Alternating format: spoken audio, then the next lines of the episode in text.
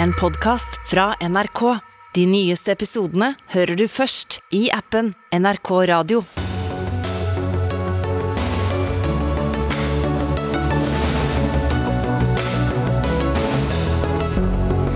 Full forvirring om utsettelsen av ny nettleie. SV og regjeringen sier den er utsatt, men store deler av bransjen sier det er umulig.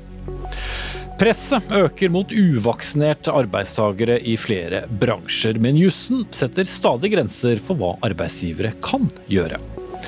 Det er flertall for lønnsstøtteordning i Stortinget, men et av landets største hotellkonsern er misfornøyd allerede før den er presentert.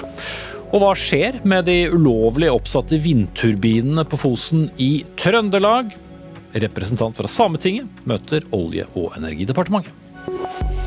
Ja, da sier vi god kveld og velkommen til Dagsnytt 18 denne fredagen. Jeg heter Espen Aas, og senere i sendingen skal vi også til alt bråket i Rosenborg, særlig mellom styre og supportere. Men vi starter med en nyhet som ble presentert av tre partier, tre stortingsrepresentanter, gladelig på fornavn med hverandre klokken halv ni i morges. Men det er eh, full forvirring etter pressekonferansen, nemlig om hva som skjer om den nye nettleien som vi har diskutert her i Dagsnytt 18 tidligere. Altså hvor det skal, eh, skal, kunne lønne seg å bruke strøm på andre tider av døgnet enn da forbruket er som størst. For på pressekonferansen så sa regjeringen og SV at eh, denne omleggingen ikke kommer 1.1 likevel. Og stortingsrepresentant eh, Lars Haltbrekken, eller Lars som det het på pressekonferansen, eh, dere har altså fått gjennomslag for at denne nettleien skal utsettes, sa du. Da betyr det at ingen kommer til å ha den nye formen for nettleie fra årsskiftet? Det som vi er enige med regjeringspartiene om, er at eh, de endringene av forskriften som pålegger nettselskapene å eh, endre nettmodellen, eh, blir ikke innført i 2022. Og så var det jo sånn i løpet av dagen at det var Energi Norge og andre som gikk ut og sa at men noen kommer til å gjøre disse endringene uansett. Det fraråder vi dem å gjøre på det sterkeste. Mm. Men den er ikke stanset? altså Det er opp til selskapet jo, selv? Forskrift, er det Forskriftsendringa er stoppa. Den kommer ikke til å bli innført uh, våren 2022. Uh, eh, men så har vi jo sett i løpet av dagen, heldigvis, at det er stadig flere nettselskap som har tatt til fornuft og sagt at vi innfører ikke de nye ordningene. Først ut var vel Lyse i Rogaland, og så har nettselskap etter nettselskap kommet og sagt at uh, vi stopper denne utrullinga. Og bra er det. For noen, da. fordi da er det jo noen vil få ny form for eh, nettleie, hvor selskapene har implementert det, mens andre ikke gjør det. Er det riktig forstått? Eh, det har vært i noen områder hvor man har innført dette. Men for det store flertall så innfører man man nå ikke dette, ser det ut som. Og grunnen til at vi har vært imot dette, er jo at uh, for det første, vi har hatt skyhøye uh, strømpriser i Norge i høst.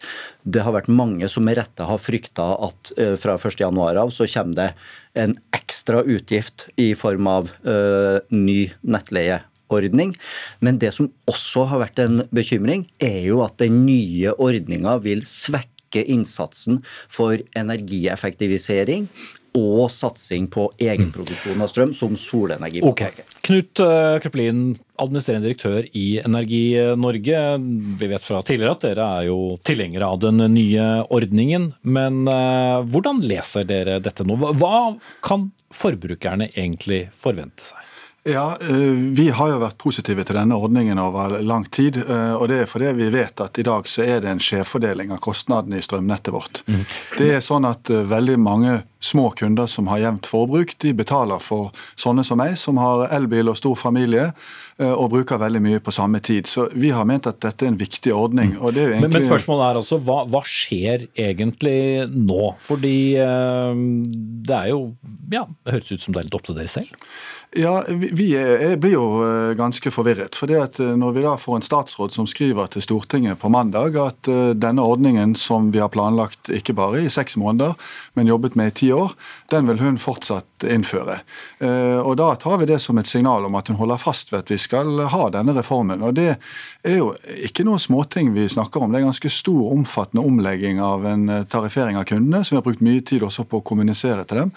Og Da syns vi det er veldig spesielt når man da kommer fem over tolv og sier at nei, vi skal ikke stille dette kravet likevel, eh, men dere kan få gjøre som dere vil. Det er jo et veldig uklart budskap til oss eh, som har jobbet seriøst med dette. Og, og tilbake igjen da, til, til, spørsmålet. Hva skjer? Kommer dine medlemmer til å innføre denne ordningen, som da et flertall på Stortinget sier da at eh, dere ikke trenger å gjøre, eller ikke det er noe plikt å gjøre? Ja, Nei, Pga. denne vinglingen så har vi i dag vært nødt til å ta kontakt med våre selskaper. Har hatt omfattende runder med møter med dem. Og det er veldig stor forskjell på selskapene på hvor de er.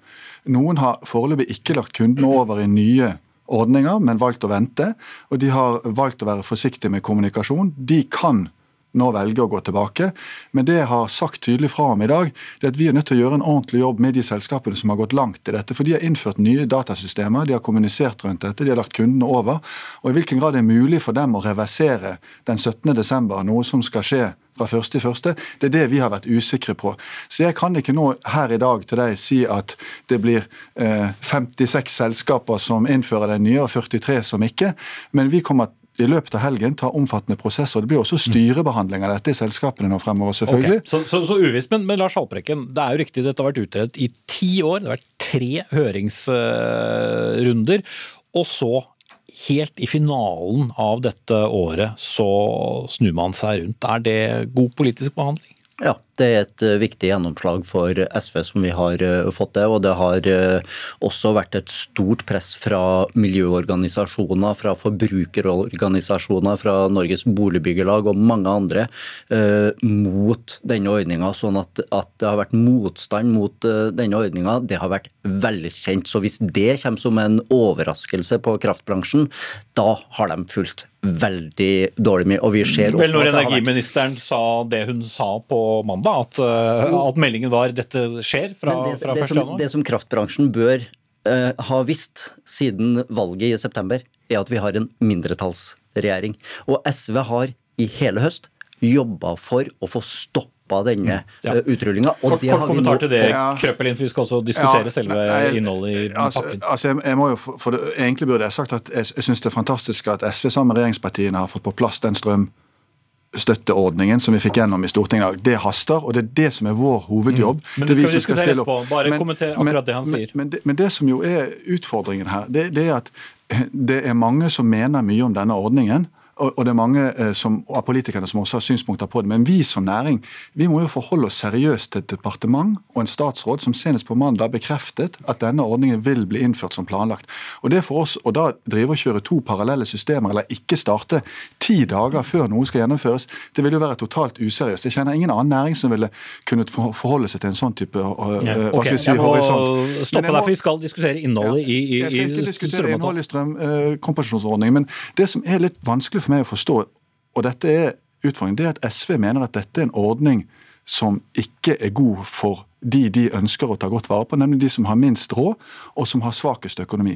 Det er jo dokumentert av oss gang på gang at 80% av kundene vil få lavere eller samme nettleie. Det at solcelleprodusenter, varmeprodusenter og store villaeiere ikke ønsker ordningen velkommen, det har jeg stor forståelse for, men ikke at SV nå stopper den ordningen. Svar på det, Haltbrekken, og så skal Forbruker, vi gå til selve avtalen. Forbrukerorganisasjoner, boligeierorganisasjoner, miljøorganisasjoner har protestert mot denne fordi at den er med på å svekke svekke innsatsen for energieffektivisering. Den er med på å svekke innsatsen for å produsere egen strøm. Og det er mange som frykter nå at de kunne ha fått en økt strømregning. Og så hørte vi jo tidlig i dag fra Energi Norge, de sa det er umulig å reversere dette.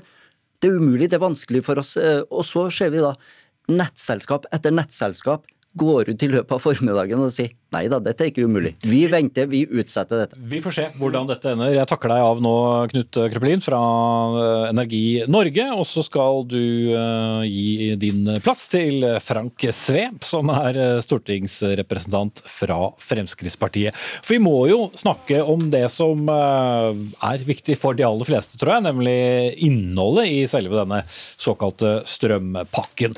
Vi husker jo at regjeringen foreslo å ta halvparten av regningen når prisen går over 70 øre per kWt. Etter forhandlingene så skal staten nå mm, ta 55% av kostnadene som kommer over. Totalt koster dette rundt 5 milliarder. Så mm, enda en milliard på toppen da, Lars Haltbrekken. Hvem får mindre for at vi alle skal få litt billigere strøm?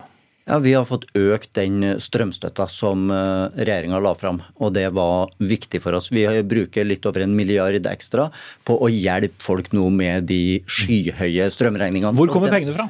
Det kommer vi til å diskutere i forbindelse med revidert uh, nasjonalbudsjett. og Det var også opplegget fra regjeringa. Men det må tas fra noe annet? Det, det, det kommer til å bli uh, tatt uh, fra noe. Hvis vi fikk bestemme, så ville jo vi ha skattlagt de rikeste mer for å sikre sikre også en god fordelingseffekt eh, av dette. Men den diskusjonen skal vi eh, ta da. Men det var viktig nå å få på plass en strømstøtteordning. Og det som vi har sørga for, er jo at dem som sliter aller mest med de skyhøye strømregningene, dem som sitter nederst ved bordet, er dem som også får den største støtten nå Skal innom, innom uh, Stortinget, for der er Mani Hussaini, som er stortingsrepresentant for Arbeiderpartiet. Det virker som det er dyrt å sitte i mindretallsregjering, for alt alt dere skal bli enig med SV om, blir, blir stadig dyrere. Hvorfor ikke lage klar pakke som blir godtatt med en gang?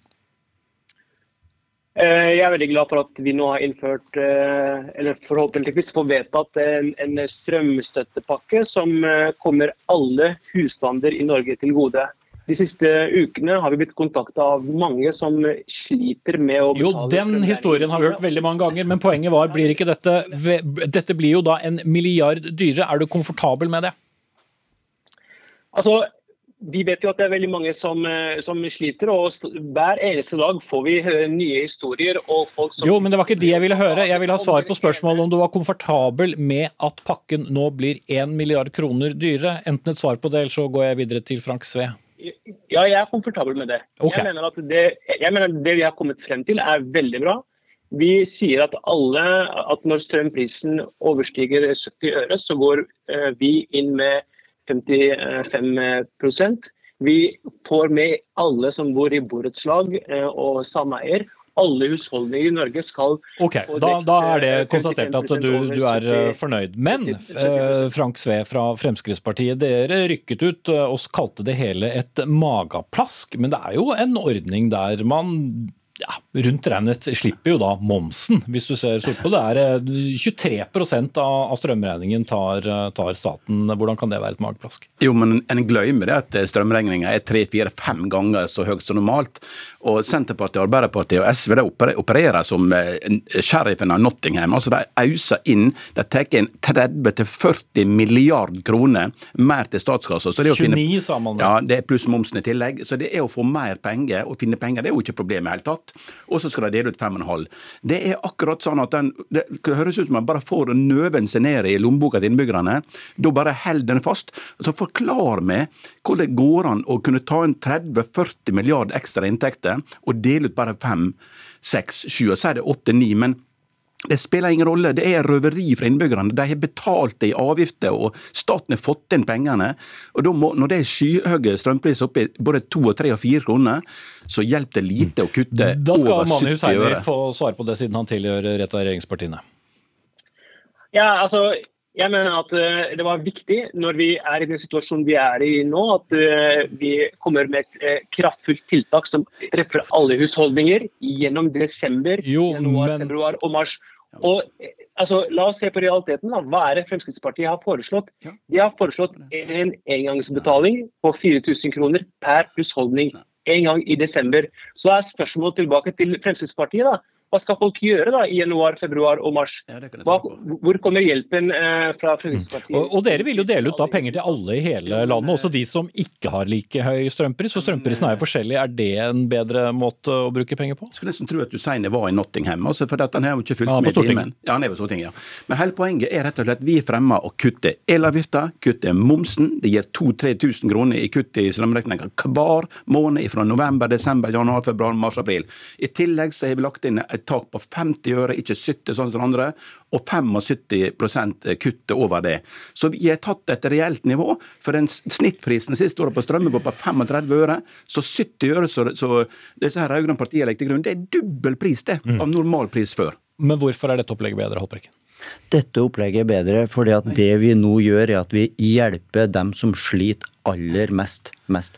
Vi øker bostøtta. Vi sørger for at flere kan få bostøtte. Men ville ikke de fått mer med opplegget til Nei, overhodet ikke. For det som, det som, Fremskrittspartiet gjør i tillegg, er jo at de raserer den offentlige velferden. De finansierer, nå må jeg få snakke ferdig. De finansierer dette med å ta fra offentlige velferdsordninger. Vi bruker en del av de inntektene som vi får fra kraftselskapene, på billigere barnehager, på gratis SFO, på en tannhelsereform som gjør at folk kan gå til tannlegen uten å bli flådd. Dette er jo Fremskrittspartiet imot. Men strømkundene har jo da finansiert det, i og med at vi får inn 29 milliarder ekstra i økte strømpriser. Så vi finansierer det alle sammen, da. Strømkundene er ofte de samme som har unger i barnehagen, som har unger på skolen, som trenger å gå til tannlege. I tillegg så vil jo Fremskrittspartiet privatisere kraftselskapene, og dermed jo, jo, så går vi glipp av disse inntektene. Tiltakene, men kritikken mot deres forslag Sve, har jo vært bl.a. at dere vil jo dele ut av det til alle, mens strømprisen er jo forskjellig i landet. Er ikke dette en mer direkte ordning når den da tar av idet strømprisen virkelig begynner å bli dyr. Bor du i et område hvor strømprisen er lav, så får du mindre kompensasjon. Bor du i et område hvor det er uh, høy strømpris, så får du mer kompensasjon. Ja, Men strømmen er jo vært svindyr i mange mange måneder. Og det, det Haltbrekke og Arbeiderpartiet og Senterpartiet snakker om, det er bostøtte og sosialhjelp. Det er noen få hundre tusen. Det er 2,5 millioner husstander, og det er masse personer, både minstepensjonister og andre, som kommer akkurat over innsatspunktet på bostøtte. Og de skal liksom ikke få noe Nå var det jeg som prata. Ja, okay. Og, og de, de, de, får altså ikke, ikke de, skal, de, de stenger ned strømmen sin, minstepensjonister, folk fryser. Og dere leverer ingenting nå før jul. Det er så tregt. Dere kunne gjort det for to-tre måneder siden. Vi fremma fremlegg allerede i september-oktober. Dere sitter og sover med Det er sånn som strutsen stikker hodet i sanden og håper at det gikk men det gikk faktisk ikke over. Dere er altfor trege. Dette her holder ikke mål. Arbeiderpartiet og så Haltbrekken. Ja, altså Det er utrolig å høre på Fremskrittspartiet. Man kan lure på hvor Fremskrittspartiet har vært de siste åtte årene. Eh, da vi var i opposisjon, så, eh, eh, så spurte vi om hvilke tiltak den daværende regjeringen ville gjøre for å dekke de økende strømprisene. Det ble stemt ned. Men nå er det denne pakken vi diskuterer, da. Ja, det, det, det er helt greit. og det, altså det, er helt uriktig, det som Sve sier her. Eh, eh, vi går inn for å dekke regningen for desember. Det, regningen i desember kommer i januar, så den kommer vi til å dekke. Mm. Og, og, når eh, kommer pengene? De kommer da i januar, ikke sant? Ja, De kommer ja. i forbindelse med den regninga som sendes ut i januar. Og så er det helt feil å si at det ikke blir betalt ut penger i desember, for at dem som trenger det mest, får også penger i desember. Og så skulle vi gjerne ha sett en større støtte til landets befolkning enn det som man fikk gjennomslag for nå. Vi skulle også ha sett en mer treffsikker ordning, hvor man f.eks. delte ut støtte basert på eh, personer eller husholdningers inntekt, men det var ikke mulig å få til på så kort eh, tid. Da måtte man ha mm. utsatt støtteordninga. Så du er sånn midt på treet fornøyd med ordningen? Jo, vi er, vi er fornøyd med det som vi har fått til. Vi har fått økt uh, støtten med 25 uh, fra da, eller 20% fra, fra 5 milliarder til 6 milliarder. Så det er en betydelig økning. Men, mens avslaget er da 23 totalt, hvis man blir forvirret? Vi skulle gjerne også da ha sett en, en uh, større økning, men Sve. det som Fremskrittspartiet kommer med, er jo ikke også på Finnmarksvidda på 30 minusgrader. Altså, dette, dette funker jo ikke. Det er jo bare noen dråper de kommer inn med. Hele problemstillinga er at det, en tar inn 30-40 milliarder i ekstra inntekter til staten. Og det, det, er et område som folk er avhengig av. I vann og avløp så får ikke kommunene ta inn mer enn det koster, men på strøm så kan altså Haltbrekke og Senterpartiet og Arbeiderpartiet ta inn 30-40 milliarder mer, dele ut fem. Det er omtrent som du kommer i hagen min, det. Så tar du 100 epler til hagen min, og så kommer du etterpå og sier nei, så, du skal være så snill å få ti epler tilbake igjen. Det er jo røveri, Haltbrekke. Det er jo å stappe handa langt ned lommeboka til innbyggerne. Del ut de pengene som innbyggerne har betalt. Hvorfor deler ikke du ut de 30-40 milliardene? Hva er ditt svar på dette? Jo, det å privatisere er kraftselskapene og sørge for at disse inntektene ikke kommer tull. til det offentlige, men at det går til rike direktører og fyller deres lommebøker. Det er jo det som er svaret ditt. Vi bruker disse pengene på offentlig velferd, på helsevesen, på skole, på billigere barnehager, og nå også på å gi folk men men, strømstøtte. bostøtten økes jo da med 465 millioner kroner. 40 000 nye mottakere faller da innunder ordningen. Vet vi at kommunene ikke avkorter eh, sosialstønaden for disse? Ja, Det eh, må kommunene virkelig ikke eh, Men gjøre. vi vet ikke. Det, vi eh, jobber for at de ikke skal gjøre det. Og, og i alle kommuner hvor det sitter SV-ere, så kommer det til å være folk som sitter og passer på at kommunene ikke avkorter uh, dette. Men det kan skje for noen. Det, nei, jeg tviler på at kommunene kommer til å gjøre det. Og det at 40 000-50 000 nå får rett på en skikkelig støtte til uh, de høye strømregningene, det er forferdelig viktig. Men disse folka har jo ikke Fremskrittspartiet noe som helst slags omsorg for. Men, men kjære deg, er ikke du fulgt med i media sett på de som har vært i media, som kommer akkurat over denne her bostøttedelen og, og sosialhjelpbiten? Her er masse enslige, det er masse minstepensjonister, det er masse folk av de 2,5 million av de 2,5 millioner husstandene som du ikke vil bruke en krone på. De har betalt, betalt 30-40 milliard ekstra i inntekter til det, er som du skal det pakke ned i staten, og så skal ikke innbyggerne få penger. Du kan ikke ha lest innstillinga i dag, som vi behandler i Stortinget. For der sier vi at vi skal øke bostøtten, og vi skal sørge for at flere, at flere får mulighet til å komme inn under Gå med hua i handa til kommunen, og så er så snill å gå hua i handa til sosialhjelpa nå før jul. Det er deres løsning, i stedet for å ta av de 30-40 milliardene som faktisk det norske folket er betalt inn og gir Som vi ynder å si, når man gjentar seg selv så mange ganger, så er gjerne debatten over. Frank Sve, stortingsrepresentant fra Fremskrittspartiet, Lars Haltbrekken, stortingsrepresentant fra SV, og med fra Stortinget, Mani Hussaini, stortingsrepresentant fra Arbeiderpartiet.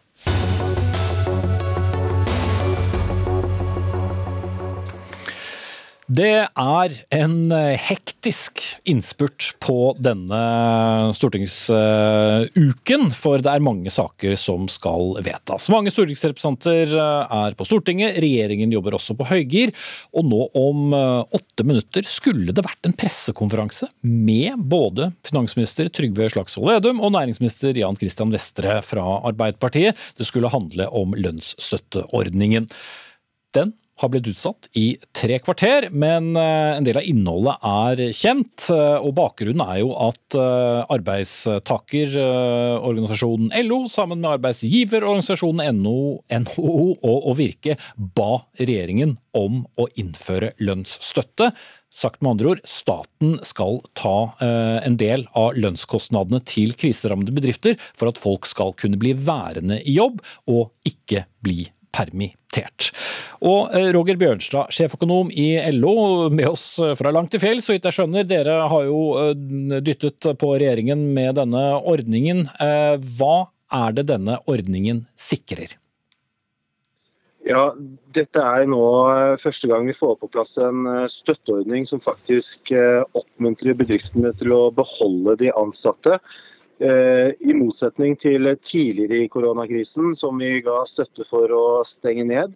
Så dette gir nå mulighet til alle de bedriftene som eh, kan holde åpent, eh, selv med et redusert kundegrunnlag og med omfattende smitterestriksjoner. Og holde åpent og ha de ansatte på jobb. Og, og bare for å ta detaljene, for å gjøre folk litt uh, klokere. Hvor, hvor mye får man for uh, å gå på jobb da, i, i lønnen, selv om det kanskje ikke er all verden av jobb å gjøre? Ja, Nå skulle den eh, pressemeldingen fra Finansdepartementet med detaljene kommet allerede 1830, men det har blitt utsatt til 1915, så jeg kan dessverre ikke gå ut med tallene nå. Men du vet hva det er? Ja, jeg har jobbet eh, tett med denne ordningen eh, i en ukes tid. Så jeg kan love at det blir eh, en god ordning som veldig mange kan benytte seg av og holde hjulene i gang. Til tross for strenge smitteverntiltak og et manglende kundegrunnlag. Vi i NRK har jo noen kilder, så vi kan i hvert fall erfare at det er rundt 30 30 000 per permittert ansatte, men det er da et tak på 45 millioner kroner per bedrift. Men det er ikke alle som er begeistret, selv om detaljene vel har latt vente litt på seg. Men Torgeir Silseth, du er konsernsjef i Nordic Choice Hotels. Dere har sagt at dere er, er skuffet fordi den er innrettet på en måte som gjør at dere kommer dårlig ut. Hvordan da? Mm.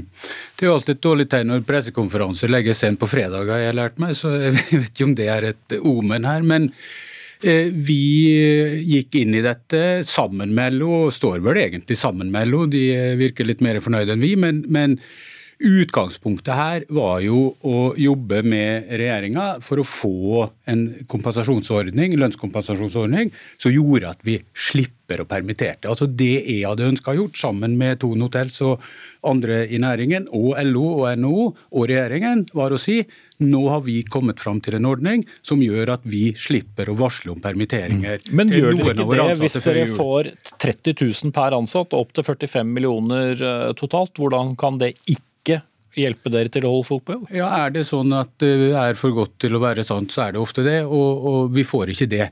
30 000 er et tak hvis du har 100 omsetningsnedgang. Eh, og det er det jo ikke. Og så er det avkortninga hvis du har høy, lavere lønnskostnader nå enn du hadde i 2019. Så det er avkorting. Og dette, er jo, altså dette dreier seg om mennesker. Hadde vi på noen som helst måte kunne beholde våre ansatte Det er en bransje som har vært gjennom hell high water i to år snart. Vi, vi, så at det var vanskelig å komme i gang igjen, for mange ansatte hadde funnet seg annet arbeid. Vi er pressa fra alle kanter, og det er ikke sånn at vi eh, ikke eh, vil unngå permitteringer. Vi var villige til å legge mye egne penger på bordet i våre tapsbedrifter for å få til dette, men det var ikke nok i forhold til det regjeringa var villig til å gi. Men er det du sier nå, Silseth, at dere nå kommer mest sannsynlig til å permittere folk til tross for at det da også kommer en lønnsordning? Ja, det er det. For den ordningen er ikke god nok. og dette er jo eh, vi har ingen interesse av å permittere hvis det er en kompensasjonsordning som gjør det forsvarlig økonomisk. Men våre bedrifter er uh, ulønnsomme etter to år med pandemi og nedstenginger. Og vi må da redusere tapene for å komme gjennom dette. Og dessverre så er det igjen de ansatte som må lide, og det er fryktelig vondt for oss. Og okay. vi er lei oss for at vi ikke kom fram til, til, en løsning. Men det er vel ikke et ønske heller fra dere, Bjørnstad? Jeg skjønner at du ikke vil gå inn i alle kronedetaljene. men hvis, eh, hvis, en så stor kjede som Nordic Choice sier at de kommer til å ende opp med å permittere til tross for eh, denne ordningen, er den da god nok? Jeg mener at den er god nok, og jeg eh, vil anbefale å sette seg ned med kalkulatoren når detaljene er på plass. Det er klart Hvis man ikke har 100% omsetningsnedgang, så skal man heller ikke ha 100% lønnsstøtte for alle ansatte. Noe av omsetning kan vel lønnskostnadene bli finansiert av. Så eh, det er ikke det det skal stå på. Og så håper jeg jo, som næringen selv har formidlet eh, i forkant, at det har en verdi for dem eh, å beholde ansatte. Det er faktisk en, at det er nyttig at, at arbeidstakerne er på arbeidsplassen. De kan brukes til andre ting, og de kan brukes til kompetansehevingstiltak, som det også gis mye støtte for.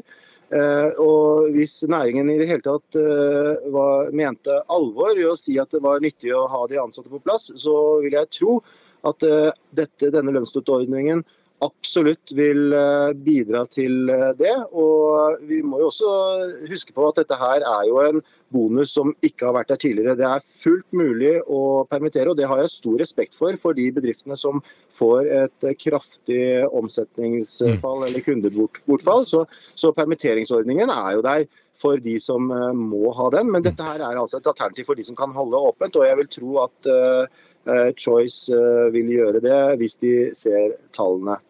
Ok, Silseth. Litt, litt for rask på labben? Nei, nei, vi driver jo ikke med selvskading, og vi har kalkulator, så det, det vil avvise på det sterkeste. Dette er ulykkelig. Vi håper virkelig at noen av våre nesten 100 bedrifter i Norge kan benytte denne ordningen, men i det store bildet så er denne ordningen dessverre ikke god nok til å ta vare på de ansatte. Og så er det også slik, og det kjenner nok LO til, at vi som stort konsern er nå avskåret fra den kommunale kompensasjonsordningen og den generelle kompensasjonsordningen for ufravikelige faste kostnader. Så dette er faktisk den eneste ordningen som kan ha noen effekt for oss. Vi hadde større forventninger enn dette. Dessverre så ble det sånn. Vi skal gjøre alt for ikke å permittere folk unødvendig, men vi kommer til å måtte benytte den muligheten. Mm. Du kan få en siste kommentar fra Er det et telt du er i, Bjørnstad, på vidda? Ja, det er en uh, dome oppe på Rondane, så uh, her er det mørkt og godt og varmt. Men ja, ja kommenter på Silseth til slutt om at dette, dette, var den eneste ordningen, og den fungerer ikke. Sier ja, dette er en helt ny ordning, i uh, motsetning til tidligere hvor vi rett og slett bare hadde permitteringsordningen og støtte for faste kostnader hvis du stengte ned. Så her er det en ordning som gjør det mulig å holde åpent. Og jeg håper i det lengste at det er en verdi for Choice å ha de ansatte på jobb. og Eh, anbefaler å titte nok en gang på tallene for å se om det ikke kan være lønnsomt også for dem. Ok. Det er viktigere at bedriften overlever enn eh, noe annet, og det er det vi kjemper for nå. Mm. Ordningen skal i hvert fall gjelde fra og med desember i år og til og med januar 2021. Og dersom smitteverntiltakene vedvarer, ja så kan ordningen bli forlenget, så vidt vi forstår, men altså detaljene fra kvart over sju. Takk til Torgeir Silseth fra Nordic Choice Hotels og Roger Bjørnstad, sjeføkonom i LO.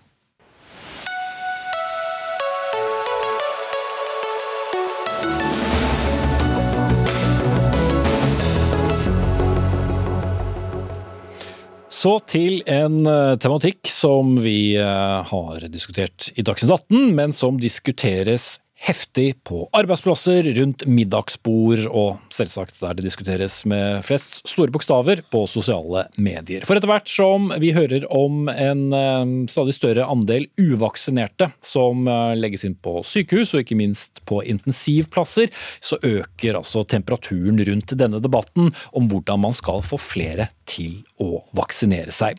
For samtidig som at myndighetene innfører nye begrensende tiltak for alle, så kommer også spørsmålet om hvor mye den enkelte skal måtte ofre for å skjerme folk som ikke vil vaksinere seg. Og et eh, firma som eh, åpenbart mener at det må settes kraftigere lut til, er det utenlandske oljeriggselskapet TransOcean, denne uken ga de en klar beskjed til sine ansatte gjennom en e-post.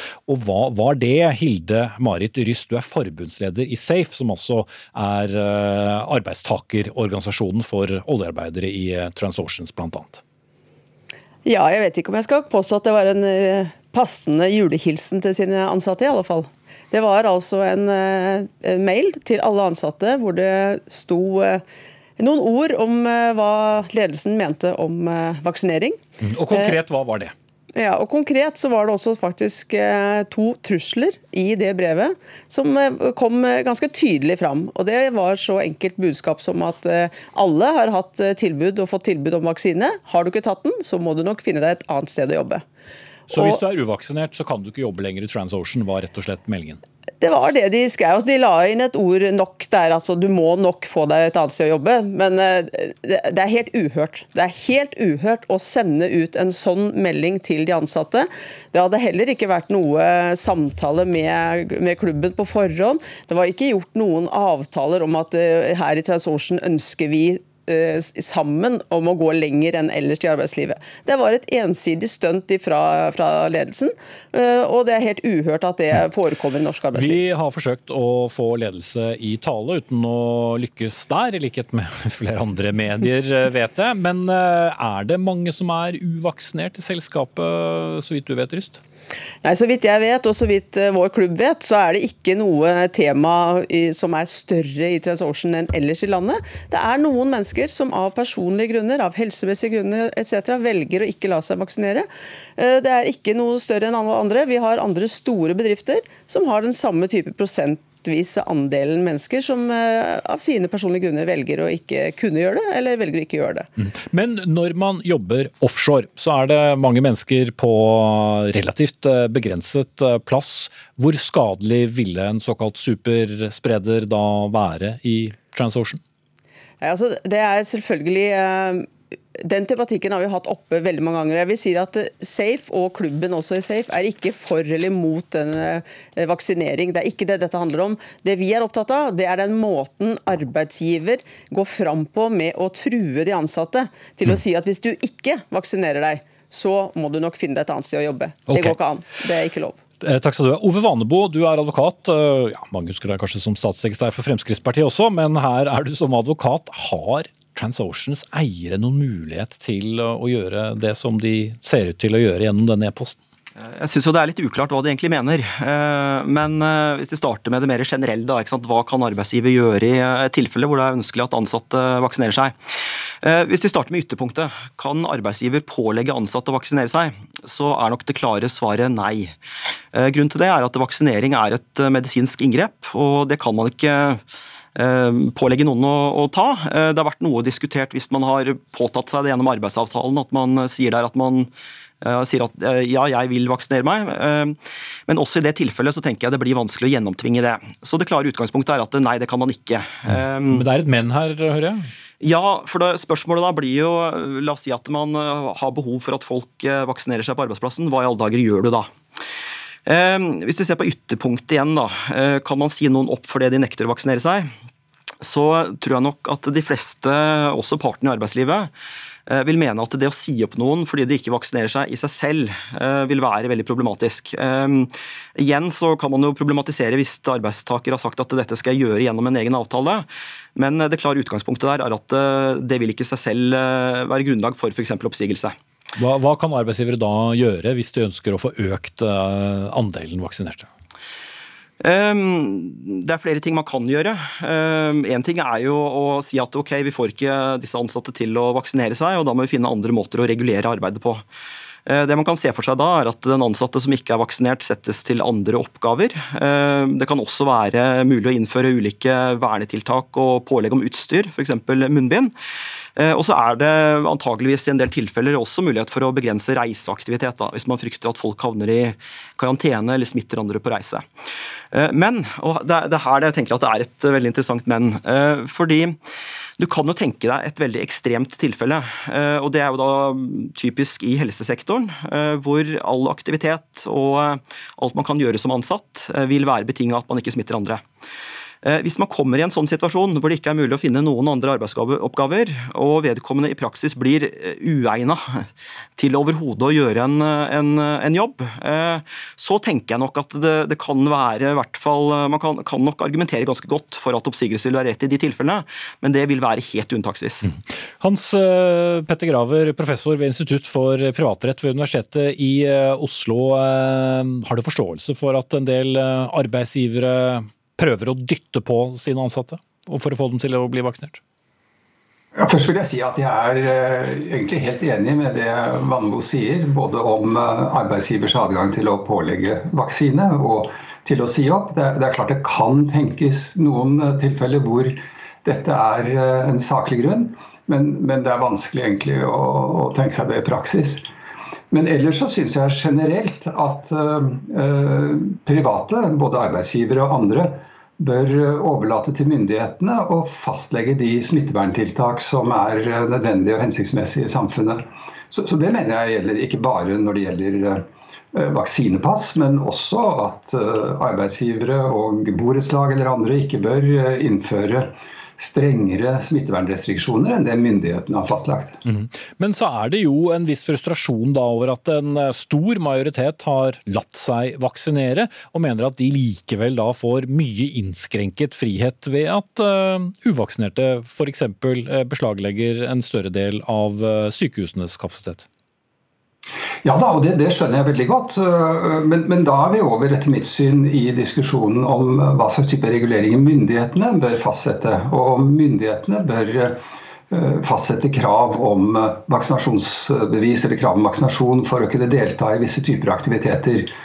Øh, og nå har vi jo en hjemmel for det allerede i smittevernloven, som gjelder enkelte større arrangementer. Da tenker du på koronapass?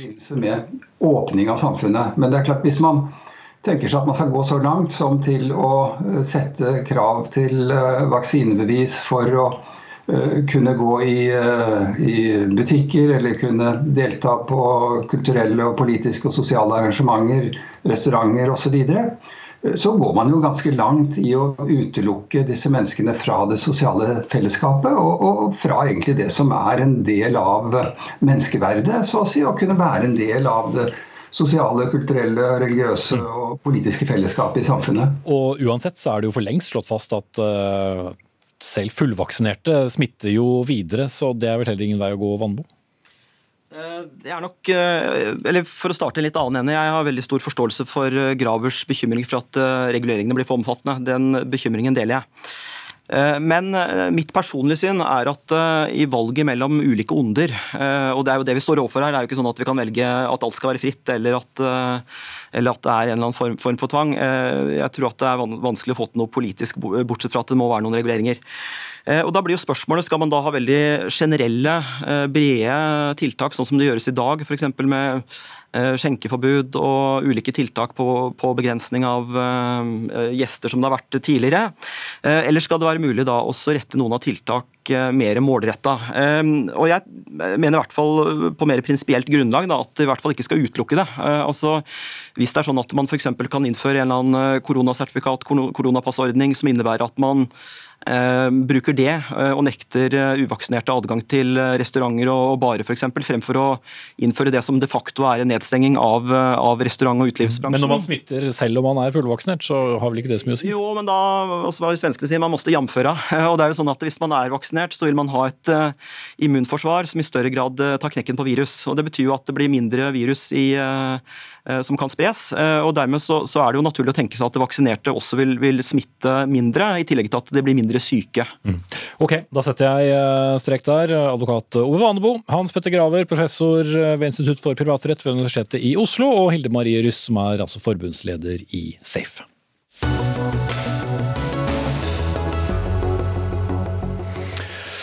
Da skal vi ikke snakke om korona, dere.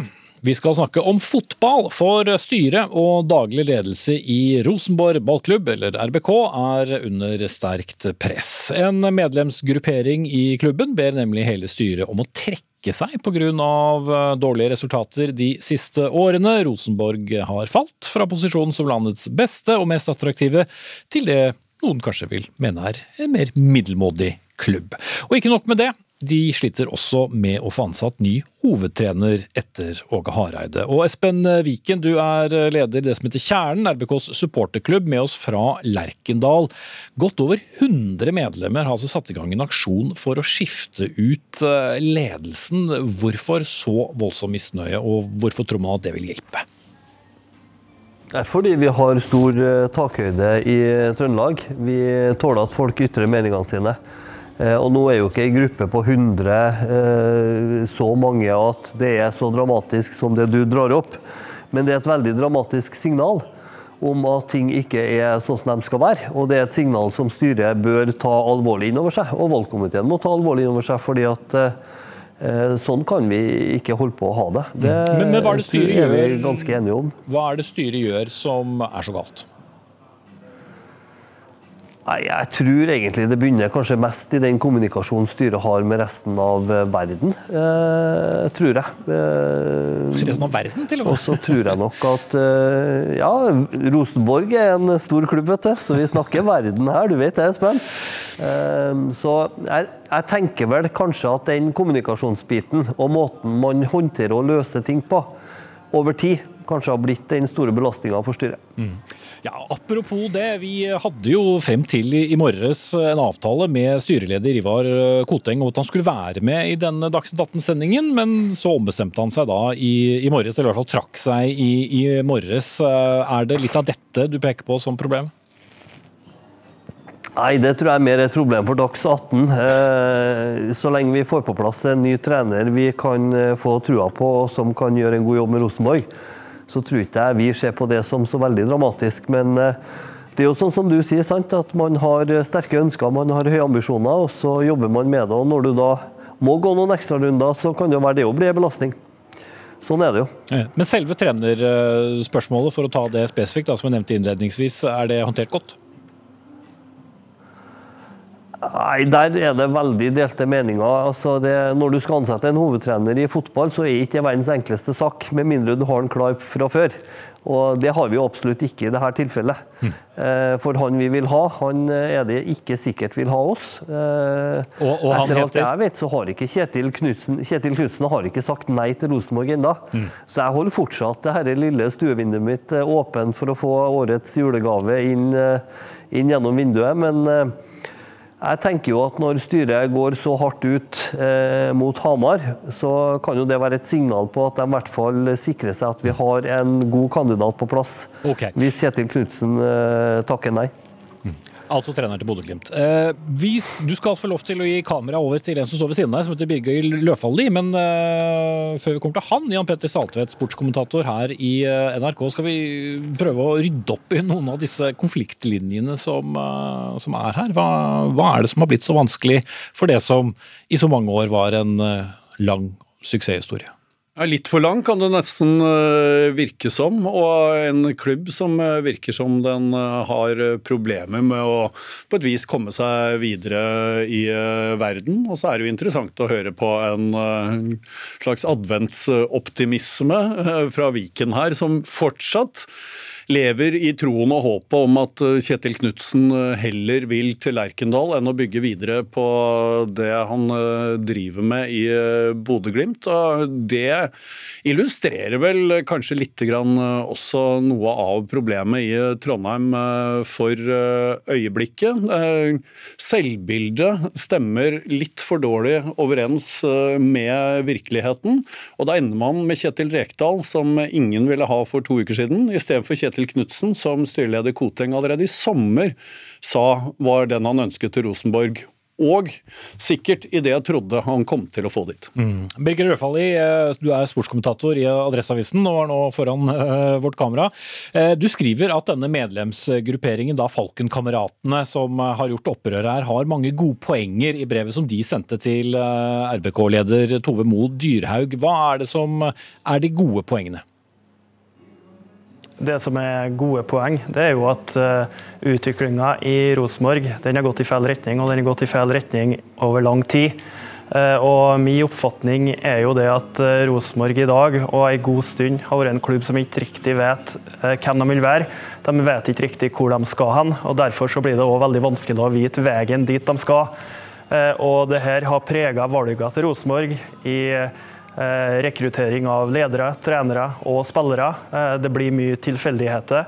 Eh, og når en da vet at det finnes konkurrenter rundt om i landet som har det her på plass, som har tydelig kurs, har ledere som vet hva kursen er og som er i stand til å gjennomføre, da blir Rosenborg frakjørt. Det er det som har skjedd.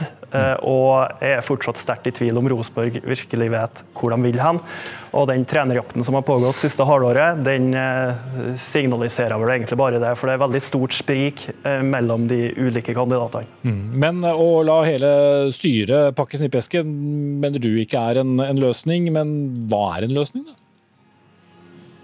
Nei, Å kaste hele styret, det, det er for drastisk. Det, det, er nok ikke veien å gå. Men at det må nye tanker inn i et styre som kan virke som har kjørt seg litt fast. Som virker defensiv og som fremstår bakpå. Jeg blir jo litt overraska over at ingen fra Rosenborg-ledelsen vil stille opp her i dag i noe så ufarlig som å diskutere ståa i en fotballklubb. Når Dagsnytt 18 inviterer. Det er nå så. Men at det må nye tanker inn, og at det må ikke minst en helt tydelig kurs på plass. Det er jo det aller viktigste for Rosenborg. Mm. Men alt kan jo ikke vokse inn i himmelen heller, Jan Petter Saltvedt. Og historikken her er jo, som du selv påpekte, ganske lang. Og det er jo ikke bare Rosenborg i fotballverden som på et eller annet tidspunkt stopper opp og, og må finne igjen fotfeste. Nei da, og jeg tror det er et potensial i den prosessen Rosenborg nå ufrivillig er igjennom. Ender de kanskje med en trener man egentlig ikke ville ha, men den misnøyen som har kommet med i hele prosessen, kan gjøre at klubben på et vis må realitetsorientere seg litt på nytt. Kanskje... For store forventninger? For store forventninger, for stort selvbilde. Kanskje de nå faktisk begynner å se fremover for en gangs skyld, som jeg tror vil kle dem veldig godt. Og da tror jeg veien tilbake til toppen av norsk fotball er veldig kort. De, det er en godt styrt klubb eh, administrativt. De har ressurser, de har en fantastisk spillerstall ut fra norske standarder. Og Kjetil Rekdal, hvis det blir han, eh, og Ivar Koteng på et eller annet tidspunkt kommer på Dagsnytt 18 og forteller om det, eh, har et utgangspunkt hvor det ikke er forventninger til det han kan gjøre. Egentlig kun kan gå inn og overraske alle positivt, og det er ikke det verste man eh, kan ha foran seg. Mm. Er du enig i analysen, Løfaldli? Eh, jeg tror jo at eh, Kjetil Rekdal kan komme og skape sportslig suksess neste år. Det er en god spillerstall som blir nevnt her på Lerkendal, men spørsmålet er jo om det kan bidra til suksess og utvikling over tid. Eh, det har jo skjedd før i tida etter Nils Arne Eggen gikk av. for at det her har jo vært, har vært vanskelig for klubben hele, eh, hele veien fra Eggen gikk av i 2002. Det har vært en del gode perioder, så det har vært en del ikke så gode. Eh, det har vært skapt suksess over en viss periode, og det tror jeg det kan bli nå òg. Men før man får på plass en tydelig retning, så tror jeg det er vrient å ta opp kampen med de aller beste, og ikke minst komme seg ut i Europa, som Rosenborg skal og bør ha en ambisjon om. Men er selvbildet litt for høyt? Og det er jo det det handler om. Er selvbildet i klubben det kan du si. altså Uh, historien til Rosenborg er vrien. Uh, alt blir målt opp mot uh, 90-tallet og Nils Arne Eggen, og, og, sånn er det nok fortsatt. Og Eh, det har mange veldig gode sider med seg, den historien Rosenborg har hatt. Eh, og, så er det tungt å bli sammenligna med det, naturligvis, men det er jo en del av greia her i, Trondheim. Og det potensialet som ligger her, de ressursene som er her, eh, det er jo det som frister. og som som vi er og håper at skulle friste Kjetil Knutsen. Men det at det virker som at han ikke ønska å komme hit, det forteller litt at noe har endra seg i norsk fotball. Hva skal vi si? Og hei og hei og hei Åhå. Ja. Takk til dere, Jan Petter Saltvedt, sportskommentator i NRK, og Birger Rødfalli, sportskommentator i Adresseavisen, og før det Espen Viken, leder i Kjernen.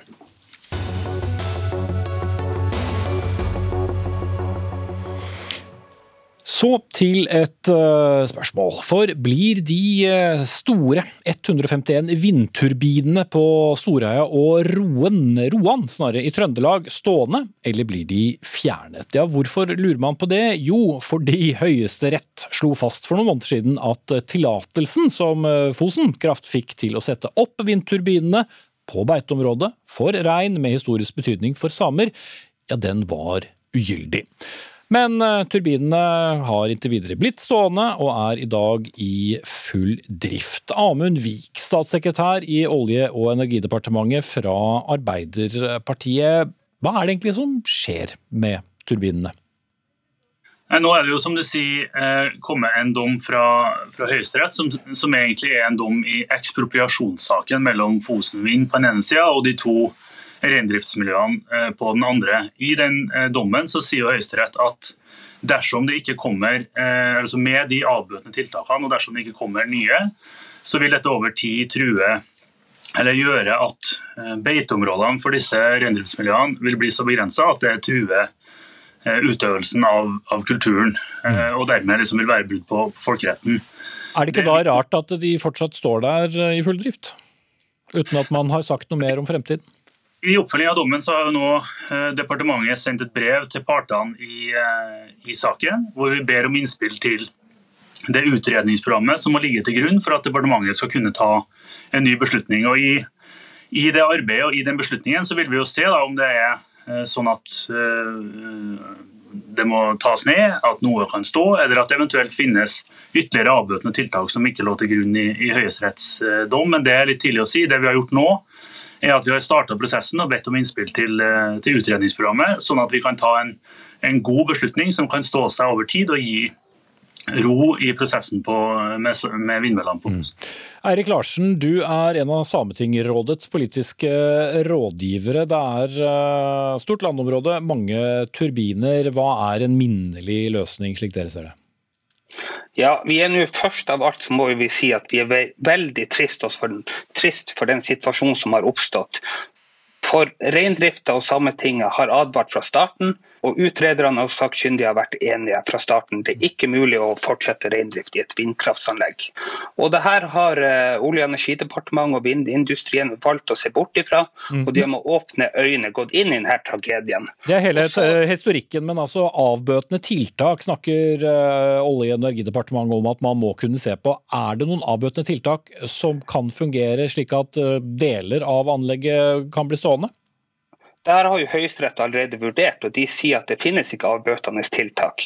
Så, så eh, vi har eh, fremma eh, noen ganske enkle krav til olje- og energiministeren. Vi forventer at hun rydder opp, og vi har oppfordra henne til å rydde opp gjentatte ganger uten at vi får noen gode svar.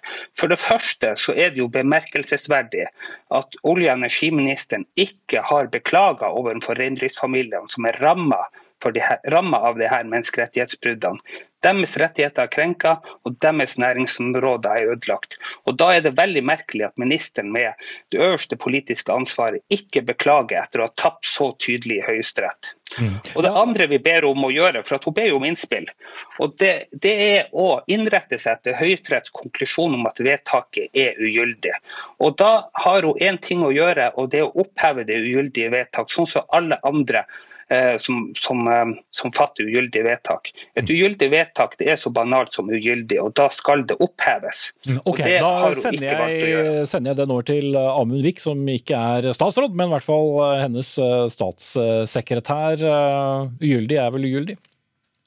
Altså Det som eh, har skjedd først, og det er greit å, ha med seg, er at denne retts, altså dommen i Høyesterett angår i utgangspunktet ekspropriasjonssaken mellom Fosen Vind og reindriftsmiljøene. Og så sier de jo at dersom det ikke kommer avbøtende tiltak, og dersom dette får pågå over tid, så vil det være eh, så vil det true kulturutøvelsen der ute. Det er nå engang sånn at dersom eller For å komme og gjøre eh, endringer etter den dommen, så må departementet fatte et nytt vedtak. Og Det er jo for nettopp å fatte et trygt og, og stabilt og varig vedtak at vi nå har satt i gang de prosessene vi har, gjennom å be eh, partene i saken komme med innspill til eh, utredningsprogrammet som skal ligge til grunn for en ny beslutning. Men ugyldig var jo poenget til Larsen. Og så er det sånn at Statkraft er majoritetseier i Fosen Vind, som du viser til, med 52,1. Og vi vet hvor Statkraft eh, holder til. Er dere en uavhengig nok part da i denne saken?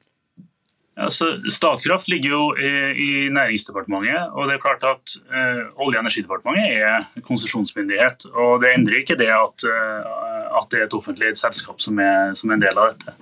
Men det som er viktig nå, er jo at uavhengig av hva beslutningen ender opp med å være, om alle vindmøllene må tas ned, om noen kan stå, eller om det finnes ytterligere avbøtende tiltak som ikke var i, i bevisføringa i lagmannsretten, så må departementet fatte et nytt vedtak.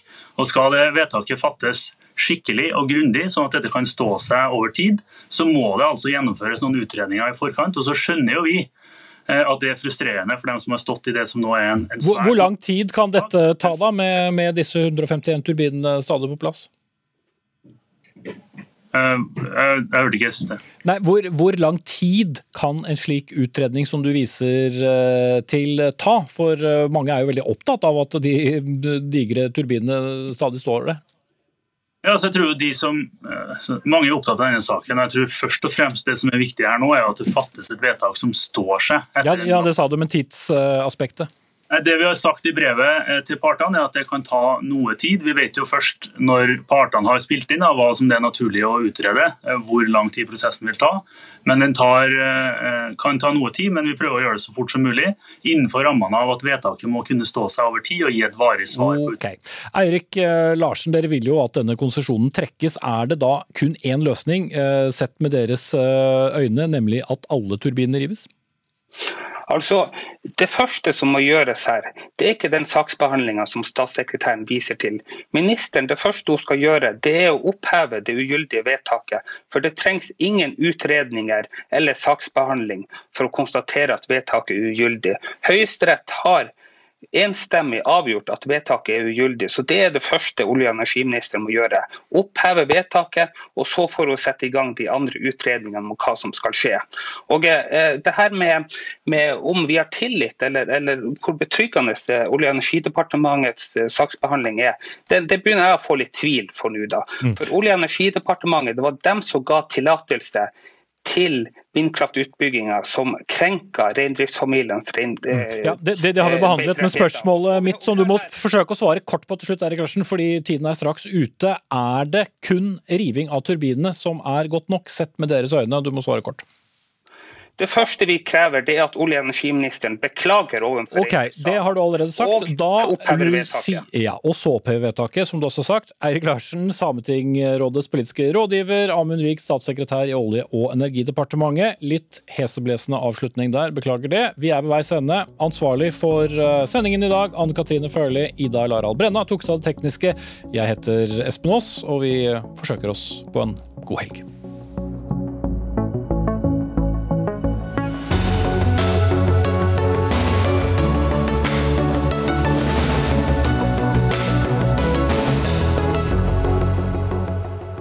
Du har hørt en podkast fra NRK. De nyeste episodene hører du først i appen NRK Radio.